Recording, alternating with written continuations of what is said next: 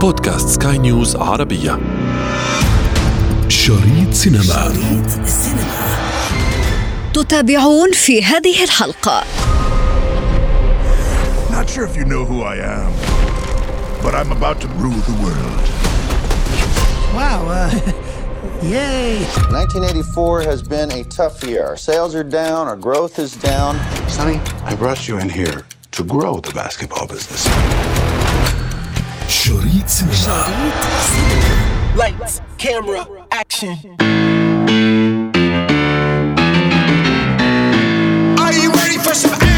في تغطياتنا الفنية لن ننسى لكم أبدا البوكس أوفيس والإيرادات وأكثر الأفلام التي تصدرت حديث الجمهور. وحلقة اليوم جعلناها خصيصا لهذا الموضوع. أنا ابتسام العكريمي وهذه حلقة جديدة من بودكاست شريط سينما على سكاي نيوز عربية. لا تفوت الأمر. شريط سينما.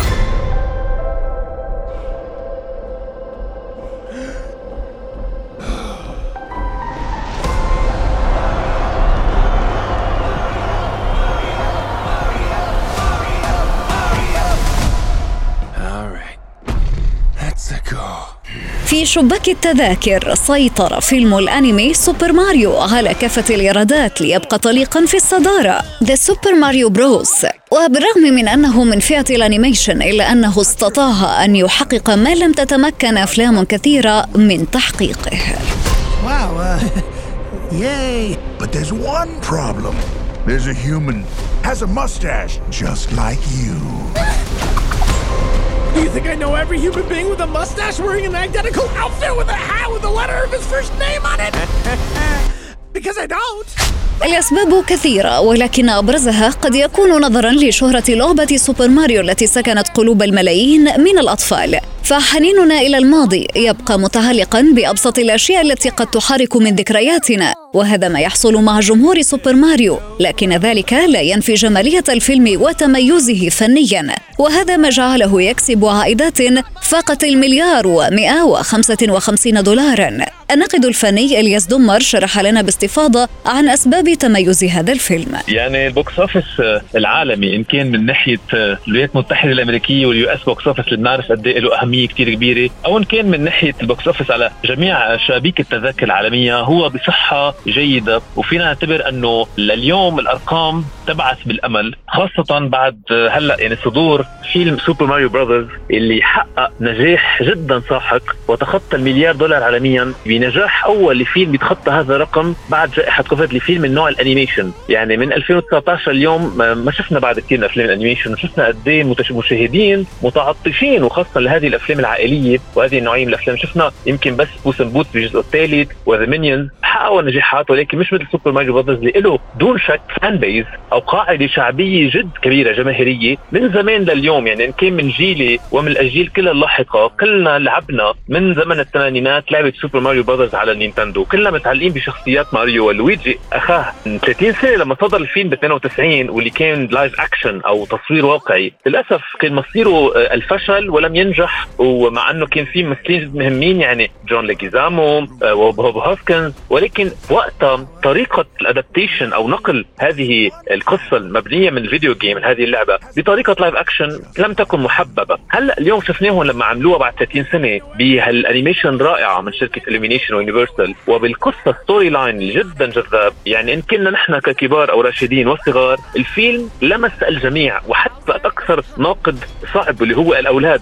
اسأل أولاد الأصدقاء حضرتوا حضرتون لأولادكم أفلام animation يقولوا لي جدا حساسين ومنخاف عليهم. لما حضرون Super Mario Brothers النقد الأكثر واقعية اجى منهم إنه جدا أحبوه. لذلك الفيلم أعجب حتى جميع فئات الأطفال حتى من من هم حساسين كثيرا. هذا الأمر صعد بال box office إن كان الأمريكي والعالمي والآن يصعد أكثر نجاح شبكه تذاكر عالميه مع صدور في الأسبوع الماضي فيلم أو الجزء الثالث من سلسلة Guardians of the Galaxy بالجزء الثالث واللي هو يعتبر الفيلم رقم 32 أو 33 في سلسلة أفلام مارفل. في أفلام مارفل في الكثير وهناك كثير من الانتقادات ويمكن أنا حتى أحد الأشخاص النقاد الموجهه الانتقادات أنه نعرف الأفلام التجارية مهمة ولكن أصبحت كثيرة هذا النوع من الأفلام أفلام ال superhero السوبر الخارقين ودائما من على منبرك بنقول أنه نحن لسنا ضد هذه الأفلام بالعكس الأفلام التجارية يجب أن تكون دائما موجودة. ولكن ما بدنا نقع في تخمة من الأفلام يمكن ناجحة جماهيريا ولكن لا تقدم أي قيمة على صعيد القصة أو بناء الشخصيات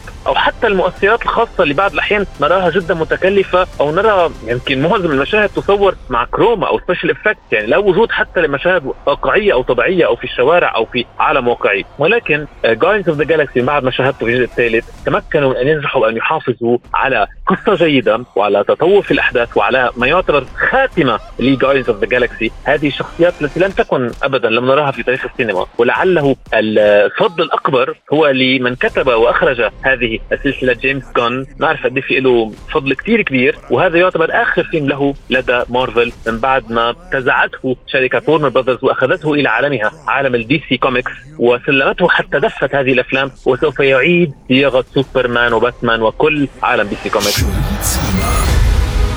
It's a secret universe beneath ours. The quantum realm. This place. It isn't what you think.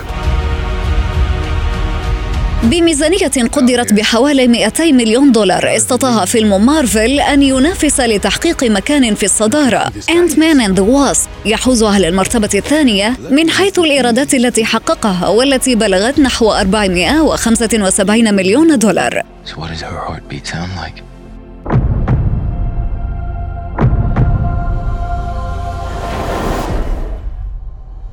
Mighty.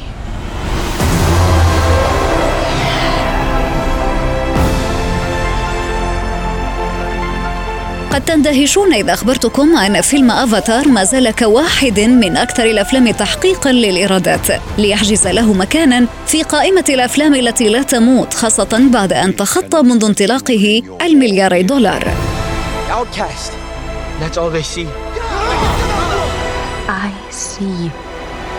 الكثير من الأسباب الفنية التي تقف وراء هذا الإنتاج الضخم. أتيناكم بشرحها. افاتار فعلا يعني بعد تخطيه المليارات دولار عالميا وعم يرجع يوصل يعني على شباك التذاكر العالمي في ال all time أو يعني أفضل الأفلام ربحا على الإطلاق خلال كل هالسنوات. عم يرجع يتمكن جيمس كاميرون أن يضم أحد أفلامه من بعد تايتانيك وبعد افاتار الجزء الأول إلى قائمة أفضل خمس أفلام. هذا الفيلم أو هذا النوع من الأفلام بالتحديد أفلام جيمس كاميرون لا يكن آه، نجاحها هو نجاح الشهر والشهرين. يعني هذه الأفلام دائما يمتد نجاحها واستمراريتها على شباك التذاكر مثل تايتانيك أول فيلم نجح معه كثيرا أو أفاتار بالجزء الأول. حوالي 8 إذا لم يكن حتى تسعة أشهر على شباك التذاكر العالمي. على الأكيد اليوم تغير ال system وتغير نظام العرض خاصة بعد جائحة كوفيد ومدة إمكانية استمرار الأفلام في صالات السينما. ولكن بعده أفاتار عم يتمكن أن يكسر هذه القاعدة الجديدة وأن يتمكن أن يضل موجود بالصالات لأنه العالم وبالتحديد في هذا النوع من الأفلام التي يقوم بصناعتها جيمس كاميرون ليس فقط في إخراجها أقول صناعتها لأنه يشرف from A to Z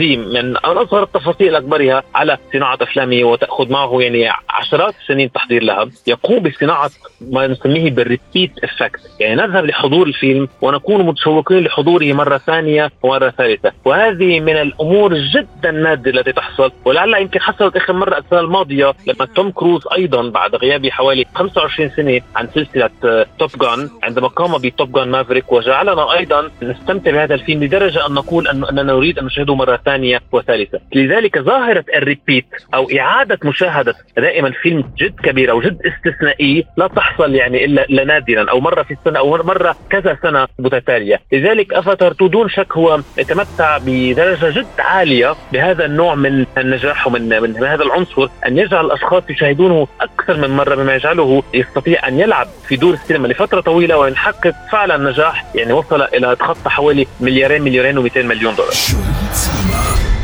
This hit. Goes out to you, Mr. Wick. 42 regular, wasn't it? Yeah. And so it begins.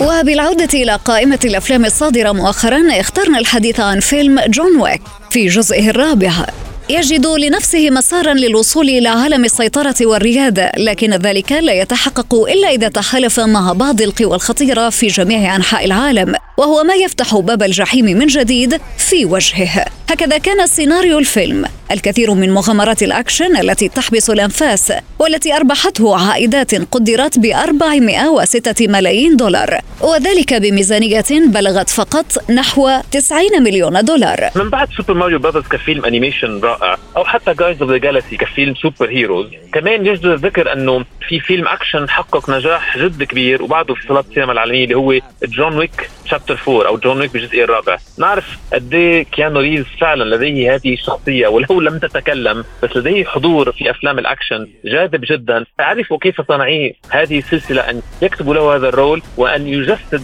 هذه أكثر الشخصيات؟ يعني انتقاما بطريقة هيك جدا مستفزة وبطريقة جدا رائعة بصريا. وشفنا قد إيه كيانو ريز دائما بحضر قبل ثلاثة وست شهور وحتى أكثر إلى كل مشاهد الأكشن التي ينفذها. وخاصة أنه في هذا الجزء الرابع لم تقتصر الأمور فقط على اكشن إذا فينا نقول مبتكر حتى كان التصوير مبتكر جدا مع المخرج تشاد ستاهلسكي وبالتحديد في العاصمة الفرنسية في باريس يعني في ثلاث مشاهد كبار كاكشن مهمين. لديهم مساحة زمنية من مونمارتر إلى المستديرة اللي دائما مكتظة بالسيارات على ال Arc de Triomphe. وفي منزل قديم في باريس. فعلا طريقة تصوير الأكشن كان فيها من الابتكار الجديد مما جعلنا فعلا نشهد إلى براعة وصعوبة هذا التنفيذ وهذا الأداء في فيلم أكشن مثل John Wick Chapter 4 هلأ بعيدا عن أفلام الكثير مكتظة والمؤكشنة وال animation وغيرها في فيلم يمكن ما إيرادات كبيرة ولكن يستحق المشاهدة وبعتقد رح يكون حتى في له حصة من الأوسكارز اللي هو الأوسكارز اللي هو فيلم آه، من إخراج بن أفليك ومن تصويره.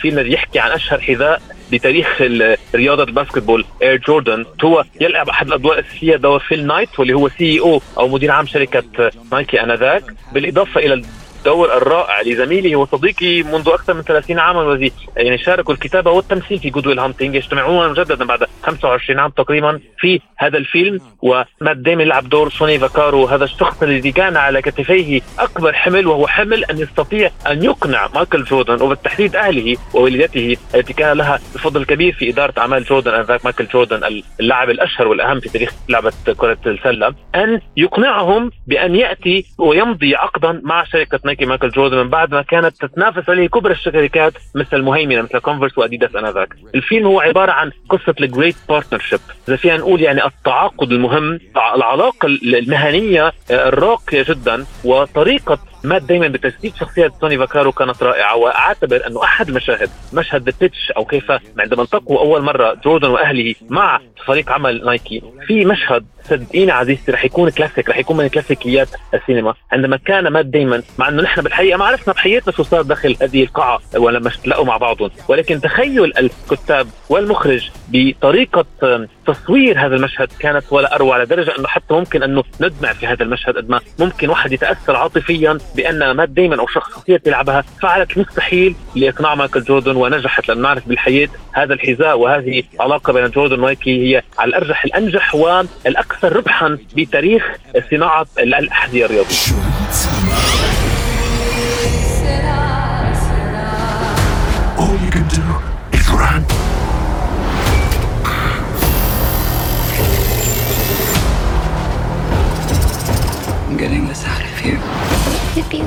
Someday, honey bath. Uh, oh, yeah? Yeah, you know how to lie to kids.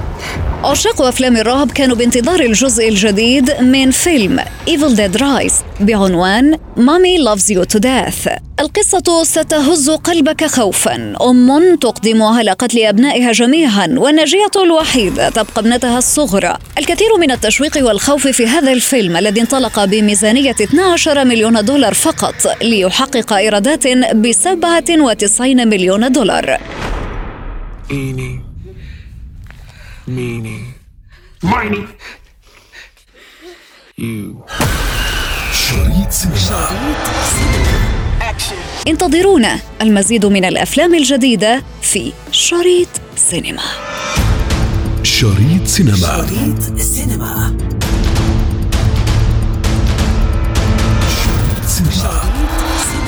وفي ختام حلقتنا نذكركم بمتابعتنا والاستماع لنا عبر منصة البودكاست لسكاي نيوز عربية وباقي منصات البودكاست الأخرى. كنت معكم في الإعداد والتقديم أنا ابتسام العكريمي وكان في الإخراج نويل بولس